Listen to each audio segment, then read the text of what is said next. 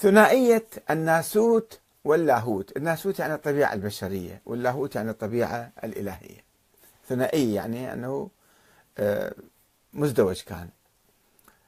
هذه منين طلعت هذه الفكرة؟ من أين ومتى؟ آه، إذا فالأبيونيين اللي هم مسيحيين متقدمين كانوا يقولون النبي عيسى كان نبي وكان عادي يعني ولم يولد من إله من الله يعني. ثم ابتدع بطرك أنطاكيا بولس فكرة ثنائية اللاهوت والناسوت في شخصية النبي عيسى عليه السلام. فقال إن سيدنا المسيح خلق من اللاهوت يعني من الله إنسانا كواحد منا في جوهره. هو إنسان بس طينته من, من السماء. وإن ابتداء الإبن من مريم ابتدأ من مريم هو صار إبن صار ولد يعني. وأنه اصطفي ليكون مخلصا للجوهر الإنسي يعني للناس كلهم. صحبته النعمة الإلهية.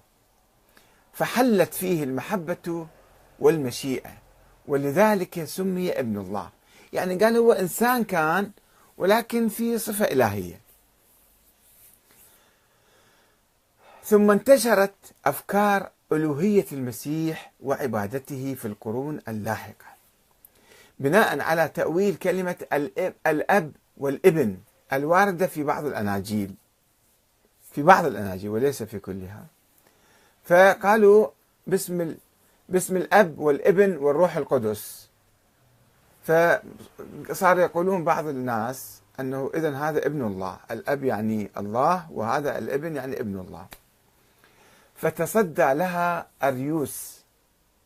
تصدى لهذه الألوهية أو الدعوة إلى الألوهية وهذه الأفكار. أريوس أسقف كنيسة بوكاليس في الإسكندرية. كان مس... كنيسة مسيحية في الإسكندرية في مصر. فمن 250 إلى 336 هذا كان عايش الرجال.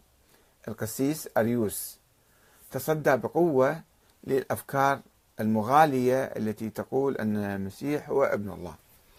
وقال بقوة وصراحة القديم هو الله والمسيح مخلوق والأب وحده الله الفرد الصمد والابن مخلوق مصنوع. وقد كان الأب إذ لم يكن الابن الله كان موجود والمسيح ما كان موجود فهذا ليس هو إلها. يعني هذه آه، كلمة الأب والابن كلمات مجازية. هذا أريوس أسقف كنيسة بوكاليس في القرن الثالث الميلادي.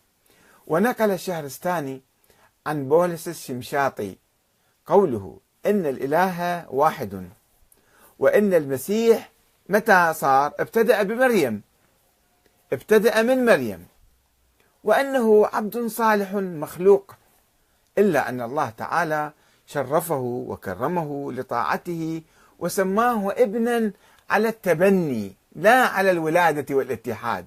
يعني مجازا هذا ابن ابن ابن الله مو يعني ابن الله بالولادة. يعني هذا آه، على سبيل التبني على سبيل المجاز.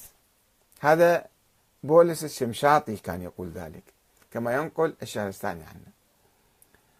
عندما هذا يعني اعتدل في نظرته إلى المسيح وقاوم الأفكار المغالية المؤلهة لكن ذلك لم يعجب البابا ألكسندروس.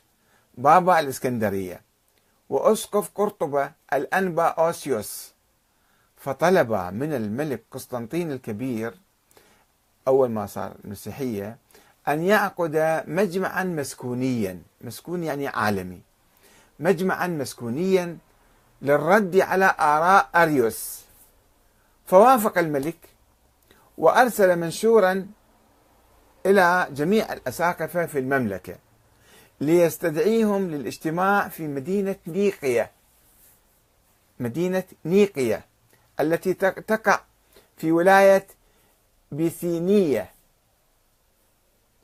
فذهب 318 أسقفا من كل أنحاء العالم المسيحي وحضر أريوس وأتباعه.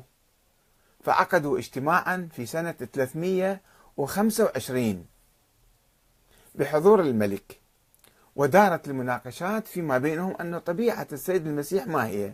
هل هو ابن الله حقا ولا كان إنسان عادي؟ ولكنه نبي يعني.